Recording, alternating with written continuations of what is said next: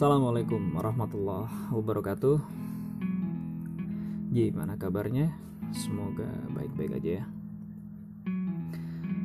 Ya, saya mau sedikit uh, monolog tentang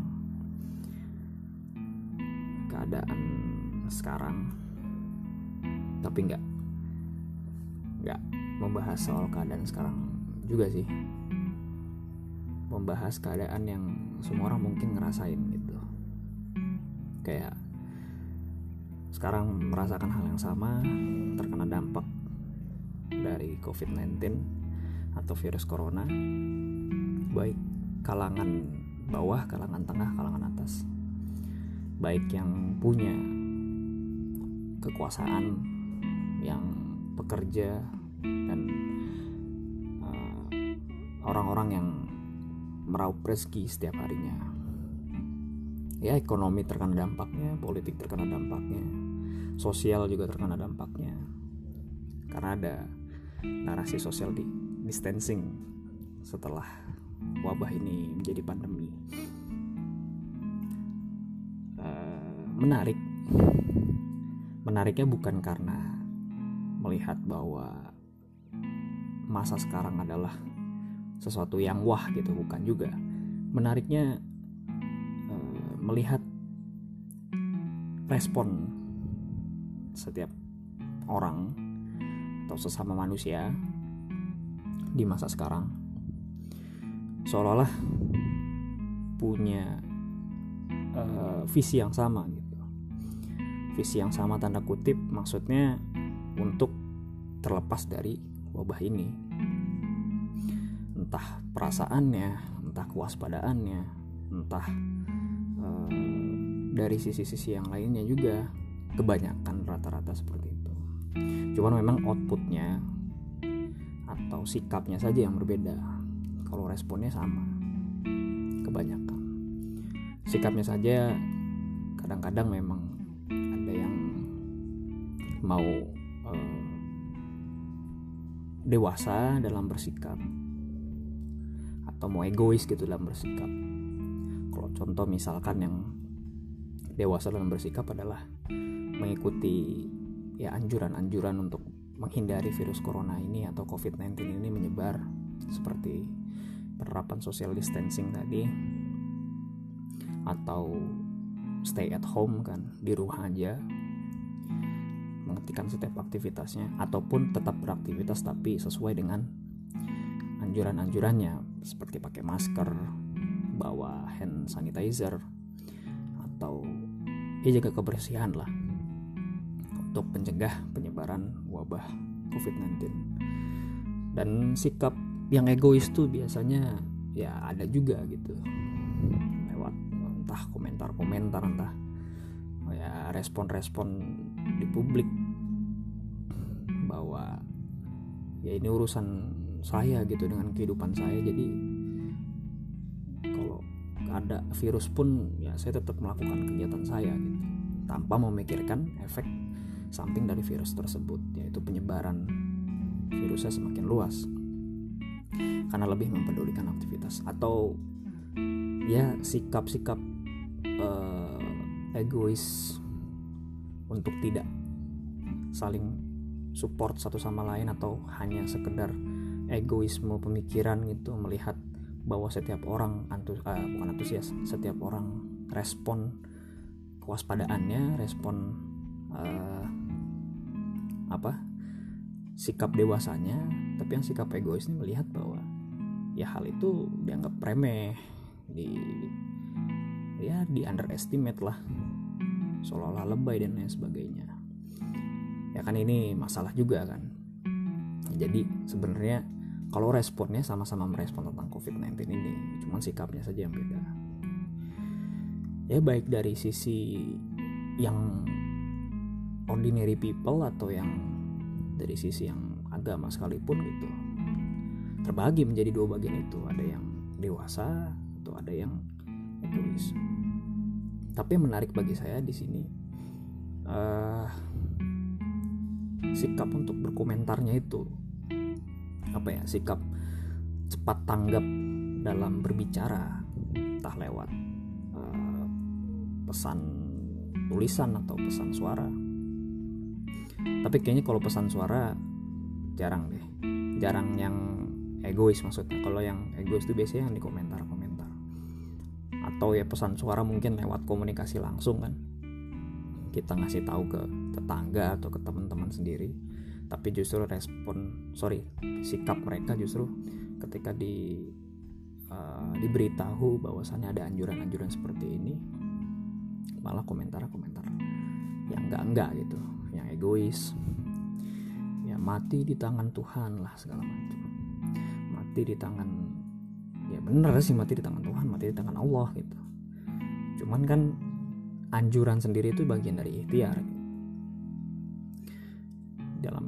Kalau di dalam Islam kan ada uh, doa ikhtiar tawakal kan. Ketiga-tiganya perintah. Ya kalau mau ngejalanin ya tiga-tiganya bukan salah satunya tuh dua, dua hanya dua saja yang dijalanin gitu. Ya kalau doa ya sekali ikhtiar sekali tawakal. Ikhtiar ya ada doanya ada tawakal juga. Ya kalau tawakal sebelum itu ada doa dan ikhtiar. Kadang-kadang orang mau praktis kan ngambil cuma satu doang tawakalnya aja. Sedangkan sisi tawakalnya sendiri ditampilkan ya karena ketakutan kan gak dapet rezeki dan segala macem. Ini maksudnya mengesampingkan orang-orang yang memang harus perlu atau yang memang harus terpaksa itu untuk mencari rezeki di wabah ini. Tapi untuk orang-orang yang egois lah sebenarnya mereka mampu untuk uh, stay at home gitu kan diam di rumah. Tapi karena mungkin menganggap remeh menganggap enteng. Jadi ngasih responnya seperti itu. Sebenarnya ya itu pilihan memang. Tapi kan kalau mau bersikap yang lebih baik saling support seharusnya kan.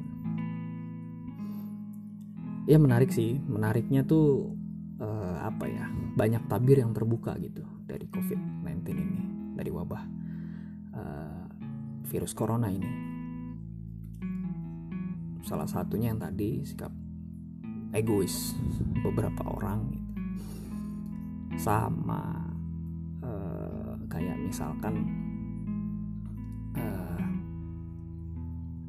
ingin menunjukkan sosoknya gitu ke publik dengan apa namanya dengan argumen-argumennya itu kalau kemarin sih saya sempat lihat ada di LC bahwa ada yang memberikan uh, keluh kesahnya dari pihak driver on ojek online.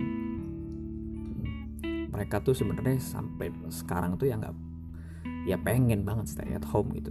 Pengen di rumah cuman karena memang harus terpaksa mencari sesuap nasi kan. Karena mereka harus tetap bekerja gitu di situasi pelik seperti ini.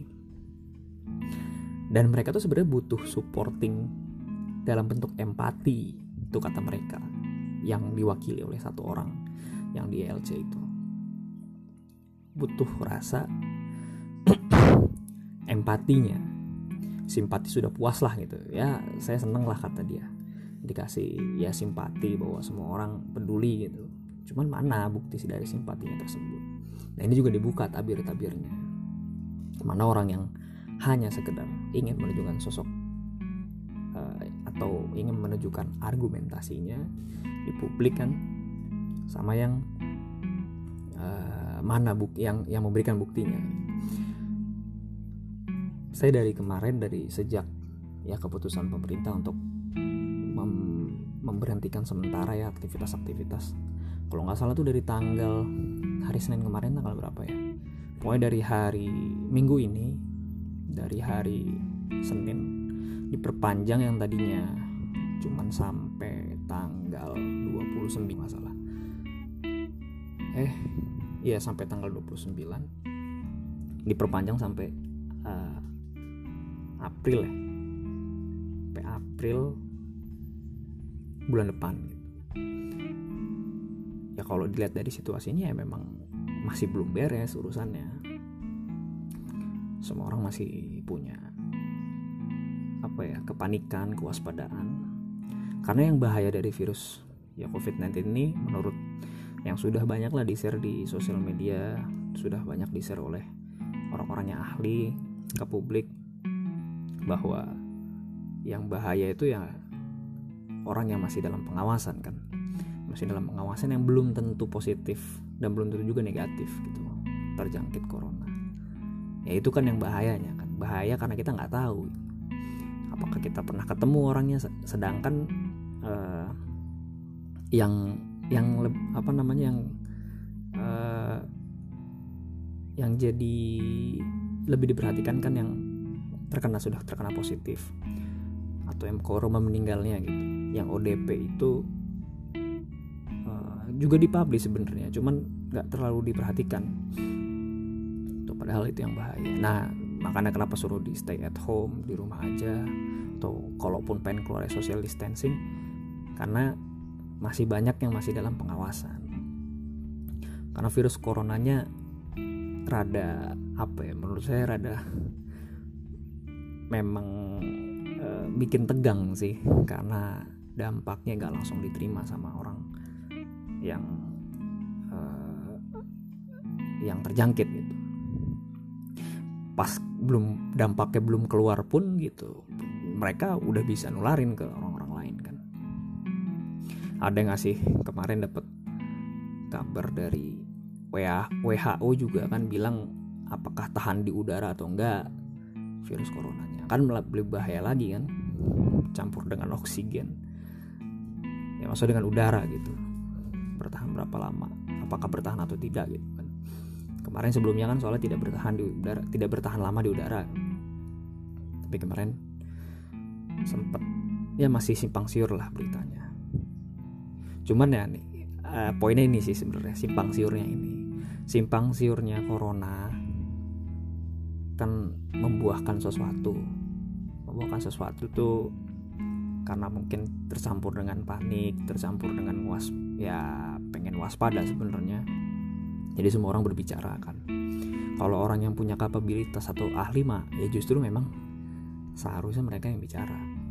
Tapi kalau ya hanya sekedar orang-orang awam gitu kan hanya sekedar ya ya nggak apa-apa sih ini juga pilihan juga gitu. Cuman eh, jangan bikin gaduh lah itu karena ya orang di Indonesia terkenal dengan komentarnya itu. Ahlul komentar lah. Ahli komentar ya bikin gaduh gitu kan pendapat-pendapat jadi rancu lah segala macam. Bikin pusing juga. Pada orang apa eh, para ahli sudah membicarakan seperti ini dibikin ribut sama yang uh, berkomentar terhadap uh, apa namanya terhadap anjuran para ahli itu. Ya agak agak ngerinya di situ lah. Kalau kata dokter Tirta kan seharusnya momen sekarang kan momen persatuan ya. Kok malah pengen uh, bener-beneran sendiri gitu. Ya ini nyalain ini kelompok A nyalain kelompok B kelompok B kelompok B apa nyalain kelompok A. Cuman karena nggak sefrekuensi doang padahal masalahnya sama gitu sama-sama virus ini bukan bentuk secara apa ya secara yang terlihat walaupun itu physically gitu kan efeknya. Tapi ini nggak kelihatan gitu. Yang kita lawan ini nggak kelihatan. Yang kita lawan ini penyakit bukan orang gitu. Saya membayangin kalau misalkan yang masalah sama tapi bentuknya tuh penjajahan misalkan atau Belanda jajah kita lagi gitu ya rasanya kayaknya berantem berantem juga gitu orang-orang Indonesia ini karena nggak sefrekuensi padahal seharusnya uh, ya kita dengerin lah apa kata ahli ahli kesehatan terutama kan saran mereka, anjuran mereka untuk apa ya kita terapin, kita yang kampanyein sesuai dengan arahan mereka. Jadi satu frekuensi. Yang ributnya menjadi simpang siur kan karena memang nggak sefrekuensi itu. Satu orang ngomong, satu orang respon lagi. Kalau dalam Islam tuh ada namanya kilawakola gitu, katanya katanya. Satu nyamber dengan komentarnya, yang satu nyamber lagi. Oh nggak gitu mas. Coba pikir lagi mas.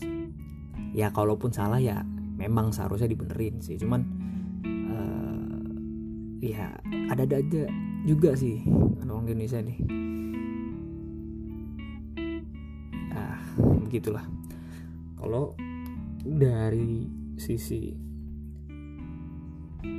para ulama juga yang terutama Islam ya yang memfatwakan untuk stay di rumah dulu sholatnya di rumah ibadah di rumah bentuk sebagai bentuk pencegahan. Kan langsung di dikat opininya bukan opini sih fatwanya sorry. Fatwanya dikat dengan statement bahwa oh kok ini kan syariat dan lain sebagainya ini kan hukum Islam ini kan anjuran kewajiban kok nggak boleh gitu. Padahal ha, uh, mencegah mudorot dalam Islam itu ada konsep mencegah mudorot itu apa ya? Uh, masalah lah bisa dibilang masalah gitu. Harus di, lebih dahulu dilakukan ketimbang mencari manfaat gitu. Karena ya mudorot itu harus hilang dulu. Masalah itu harus hilang dulu baru mencari manfaatnya. Jangan nyari manfaat dalam masalah gitu. Itu kan ya kayak kalau kita sering dengar mencari kesempatan dalam kesempitan. Ya itu nggak bisa. Nggak boleh. Itu kan kalau konotasinya ke dalam hal-hal lain ya kalau ke dalam penyakit. Ya maksudnya mencari uh, tetap memperoleh manfaat dalam masalah gitu. Manfaat ibadah maksudnya anjuran ibadah untuk ke masjid dan lain sebagainya. Padahal fatwa ulama ulama sendiri kan ahli. Ahli dalam bidangnya. Bidangnya biaya apa? Bidangnya bidang agama agama Islam terutama. Nah ini juga kan jadi respon positif eh sikap eh, positif dan negatif lagi kan. Yang satu yang sikap dewasa yang satu sikap negatif yang sikap negatif merespon bahwa nuduh sana nuduh sini lah bilang kafir lah pemerintahnya MUI-nya PKI lah segala macam. Ya ini salah juga gitu. Orang uang semua orang pengen mencegah kok gitu lagian kan ulama berfatwa kan gak sembarangan. Mereka punya basic ilmu. Mereka punya uh, perangkat ilmunya dan sudah punya uh, istilahnya sesuatu yang dipunya di luar diri kita gitu. Mereka sudah punya sesuatu yang kita nggak punya. Yang terutama muslim nggak punya. Orang-orang awam yang muslim gak punya ahli ilmu kan seperti itu. Mencari hadisnya menyimpulkan hadis. Kalau dalam Islam tuh disebutnya kalau mengambil hukum itu berijtihad kan. Berijma. Mengambil kesepakatan hukum dari kesimpulan-kesimpulan yang didapatkan eh, gitu. Kalau perbedaan pendapat pasti ada. Cuman kan kalau ahli ilmu yang sudah punya pendapat dan jadi fatwa ya harus diturutin seharusnya. Eh malah dicaci maki. Ini nih masalahnya nih. Sudah banyak komentar caci maki pula. Kalau nggak salah waktu awal-awal COVID-19 mulai mem, apa ya, membooming juga di awal-awal kemunculannya di Indonesia kan waktu itu dokter juga sempet dicaci maki kan karena kayak seolah-olah eh, nggak uh, merawat dan lain sebagainya. Padahal nggak gitu faktanya kan? Cuman karena informasi segelintir dari sosial media dari Facebook atau dari broadcast WA gitu kan tanpa diklarifikasi tanpa dicari tahu dulu ditabayunkan dulu ini bener apa enggak informasinya langsung kepicu aja langsung ke trigger untuk ngomong. Nah ini ya kebiasaan orang Indonesia lah lebih mendahulukan apa sentimen terlebih dahulu ketimbang argumen. Gitu. ya itu masalah pilihan orang juga ini. Hanya sekedar uh, meresahkan sesuatu. Saya di sini hanya meresahkan sesuatu. Sesuai dengan nama podcast saya rasa nggak sih? Ya tapi balik lagi kalau bicara berbicara soal fatwa ya ulama sendiri gitu menfatwakan dalam kondisi yang sepelik ini ibadah pun uh, bukan ditiadakan, dipindahkan opsinya yang tadinya dianjurkan ke masjid sekarang dianjurkan ke rumah. Sholat Jumat sendiri kan akhirnya untuk beberapa tempat yang memang red zone atau zona merah, zona yang krusial, zona yang bahayalah tanda kutip bahaya karena sudah merebaknya corona di situ. Ya Jum, sholat Jumat ditiadakan kan di beberapa tempat bahkan yang untuk pencegahan lebih lanjut ada yang yang nggak red zone zonanya tapi ditiadakan. Cuman respon dari masyarakatnya masih belum menerima ya emosi lah dituduh inilah tuduh itulah. Ya memang nggak tahu ya. Saya nggak berani menyalahkan sih. Saya hanya me, apa ya membicarakan soal uh, yang terjadi saja gitu. Entah mungkin kan bisa jadi memang yang protes juga nggak mengetahui informasinya atau bisa jadi kurang koordinasi. Saya juga nggak nggak terlalu tahu. Tapi ya begitulah. Dengan kondisi yang seperti ini pelik sekali lah rasanya. Kalau kita ya masih berantem beranteman masih nyari yang sefrekuensi untuk setuju sama sesuatu padahal masalahnya sama. Saya juga ya kan kalau analogi simpelnya gini lah. Ada soal matematika nih semua orang dikasih soal yang sama. Dan jawabannya udah sudah pasti sama gitu. Masih aja nyari yang sefrekuensi untuk nemuin jawaban padahal jawabannya beda-beda ujungnya dan itu jawabannya salah gitu. Yang ahlinya ditinggali yang ahli matematika di, mungkin di satu kelas gitu kan ada ujian matematika yang jawabannya sama soalnya sama tapi orang-orang yang ingin mencari jawabannya nyari yang sefrekuensi dulu gitu. Ya kan? Nggak gitu. Masih nyari yang sefrekuensi sesuai dengan dirinya baru nemuin jawaban. Apa nyelesain masalah? Seri nyelesain masalah. Nah, itu juga. Kalau masalahnya sama ya sama-sama lah kita sefrekuensi se buatlah sedemikian rupa kita sefrekuensi gitu. Sejalan. Masalahnya sama masa ya kitanya berkelompok-kelompok beda gitu. Bukan berkelompok-kelompok beda tuh maksudnya berorganisasi. Lebih tepatnya so seolah-olah memisahkan diri dari persatuan gitu. Harusnya sama-sama bersatu kelarin masalah. Nah ini saya saya juga nggak bicara soal urusan pemerintah ya. Nah, pemerintah urusan yang punya kapasitas lah untuk yang mengomentarinya kalau saya menyadari bahwa saya nggak punya kapabilitas atau kapasitas untuk mengomentari pemerintah dalam urusan ini. Saya hanya me memblow up saja ya apa yang hadir gitu selama COVID-19 ini me, apa ya menjadi wabah pandemi juga di Indonesia. Ya di daerah saya pun masih banyak yang aktivitas-aktivitas rutin di tetap jalankan di daerah saya sendiri kalau di kotanya sudah ada himbauan sudah ada praktik. Bukan praktek ya penerapan hukumnya lah. Suruh uh, yang kumpul-kumpul dibubarin uh, yang ya yang masih nakal tanda kutip melakukan uh, aktivitas yang seharusnya ditunda dulu. Ya kayak gitulah. Kebijakan-kebijakan yang di kota ada yang diterapin. Tapi kalau daerah saya cuma masih saya sendiri kalau jujur kalau saya sendiri kalau balik lagi bicara soal fatwa yang sholat Jumat ya antara sholat lah sholat Jumat dan sholat Jumat. Saya juga masih bingung karena kondisi daerah saya masih menyelenggarakan gitu. Jadi antara kayak kok merasa gak enak ya biasanya ikut sholat di masjid gitu kok sekarang di rumah apalagi sholat Jumat? Kayak merasa gimana gitu kan tapi ya bagian dari ikhtiar tadi perintah juga dari Allah gitu ya harus dijalankan.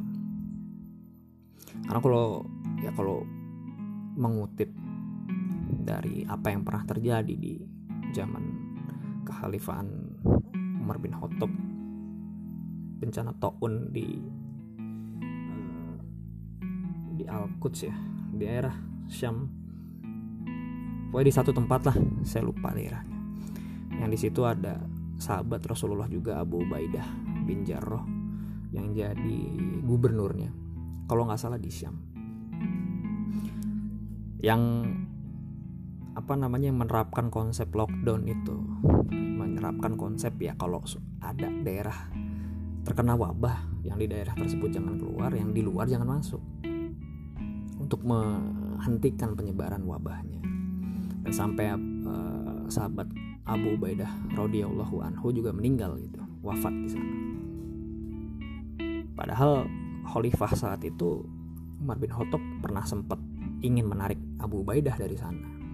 Tapi Abu Abu Ubaidah bilang eh saya bertanggung jawab di sini. Saya hidup bersama rakyat saya atau mati bersama rakyat saya. Maksudnya di gubernur di daerah situ. Khalifah pusatnya ada di Madinah Umar bin maksudnya hal kayak gini pun pernah sempat kejadian di zaman di zaman dulu di sejarah pun ada. Rasulullah sendiri pun uh, iya itu hadis Rasulullah sendiri pun kan bilang kalau ada satu wabah di suatu daerah yang di dalam daerah tersebut jangan keluar yang, di, yang dari luar daerah tersebut jangan masuk. Itu kan bukti bahwasannya ya ikhtiar pun di dipakai. Bukan berarti ya kalau ada apa penyakit kita tantang yang ah, mati urusan Allah subhanahu wa taala lah. Kalau saya ditakdirkan gak mati ya saya gak mati. Iya bener sih. Cuman kan ikhtiarnya mana? Ikhtiar juga bagian dari perintah Allah gitu mas. Ya kalau nggak ikhtiar ya kayak bayanginnya kalau misalkan di depan kita. Ya ada ular gitu banyak kan di depan rumah lah tuh apa itu lagi ada ular turun gunung gitu atau turun atau keluar dari tanah tiba-tiba ngejogrok aja di depan pagar kita. Terus bilang ya saya mau berangkat kerja gitu kan. Kalau saya nggak kalau kalau saya nggak akan kepatok karena takdir Allah ya saya eh urusan saya dipatok apa enggak itu urusan takdir Allah gitu.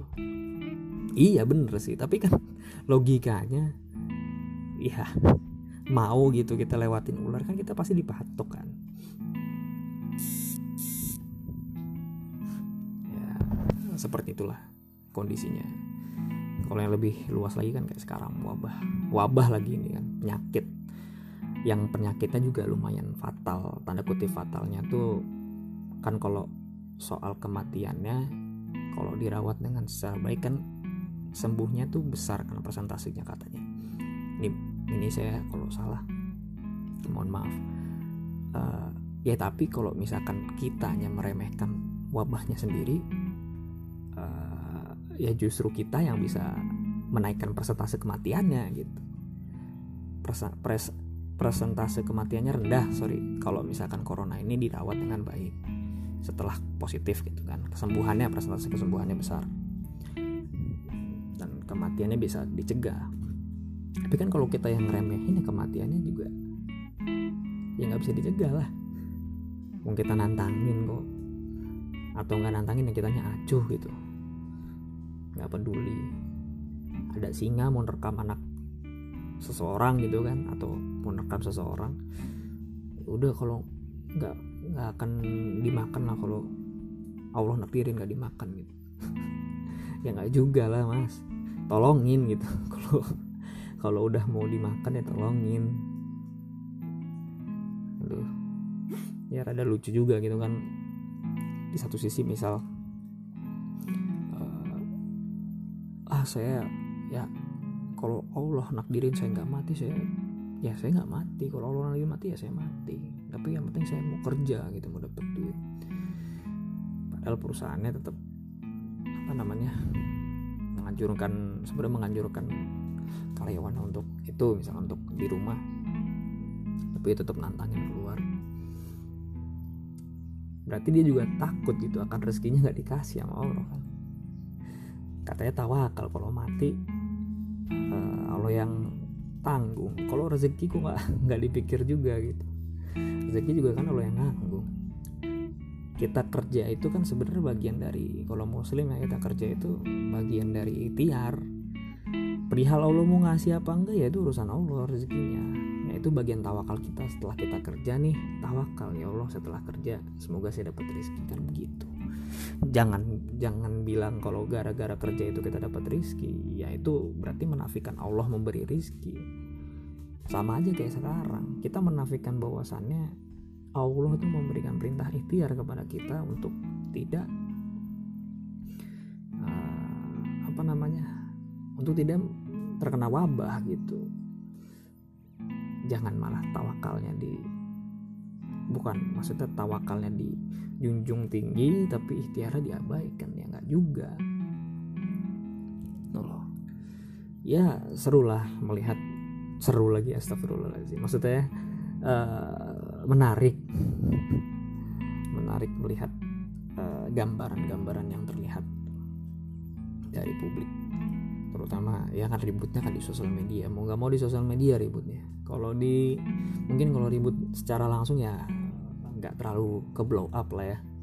Mungkin secara personal atau secara kelompok aja. Tapi kalau sosial media semua orang bisa lihat gitu. Yang sana komentar apa yang sini komentar apa ya ribut lah. Ya kalau saya sendiri sih memilih untuk meratin aja lah toh informasi kan yang lebih penting kan bukan respon. Ya kalau kalau setiap orang itu kepentingannya untuk merespon kalaupun gitu ya mau jadi apa? Kalaupun disuruh merespon pun untuk mau merespon seperti apa gitu. Ya respon kita respon respon uh, sikap saja kan. Itu yang penting kan.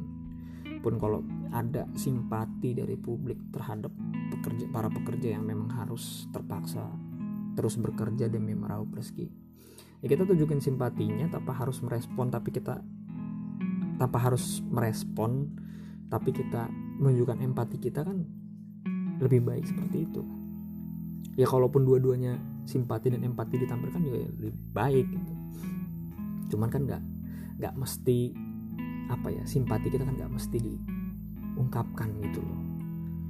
Kalaupun jadi bahan kampanye ya oke okay lah ya kita juga tahu porsi kita lah. Kalau memang sudah ada yang uh, maksudnya sudah ada yang mewakili ya kita ikut sharing itu ikut nge-share atau uh, ya ikut mengkampanyekan. Tapi ya jangan lupa juga empati kita lebih diperlukan. Kalau simpati udah banyak empatinya nggak ada ya. Bener kata yang salah satu driver ojek online di LC itu ya. Kayak kami sudah muak gitu dengan simpati kalian kalau empatinya nggak ada.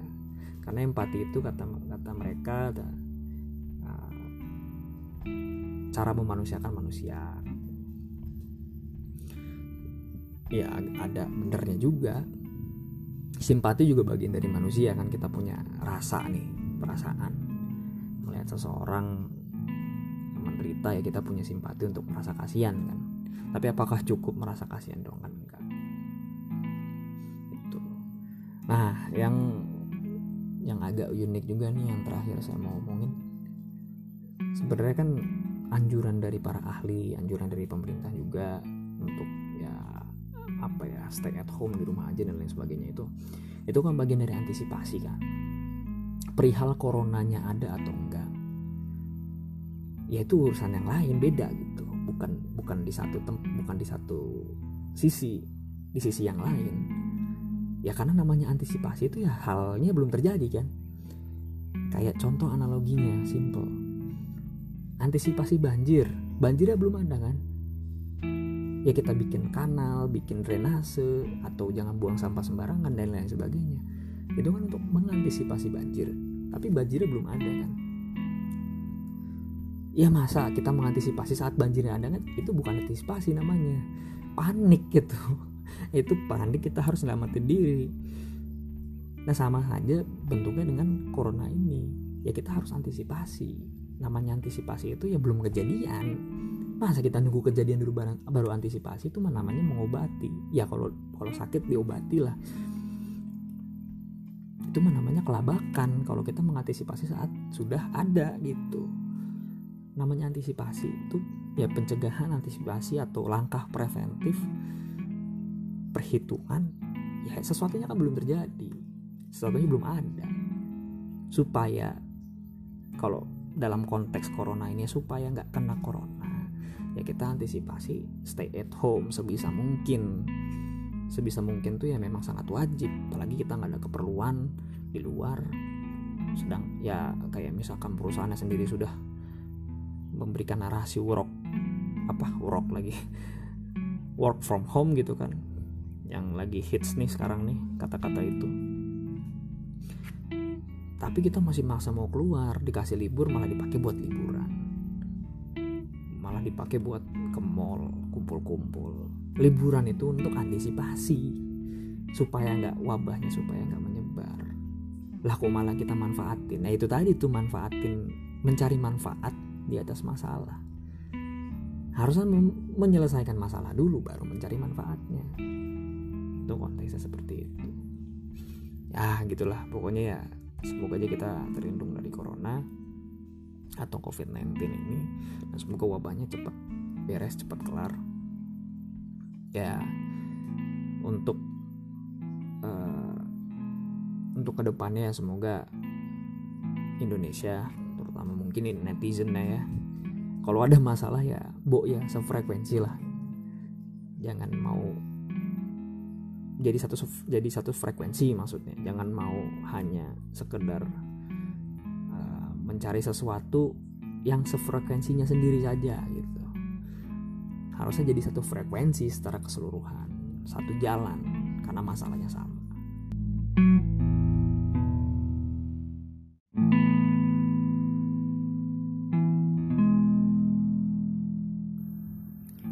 Ya jadi sejauh ini kira-kira rasa nggak sih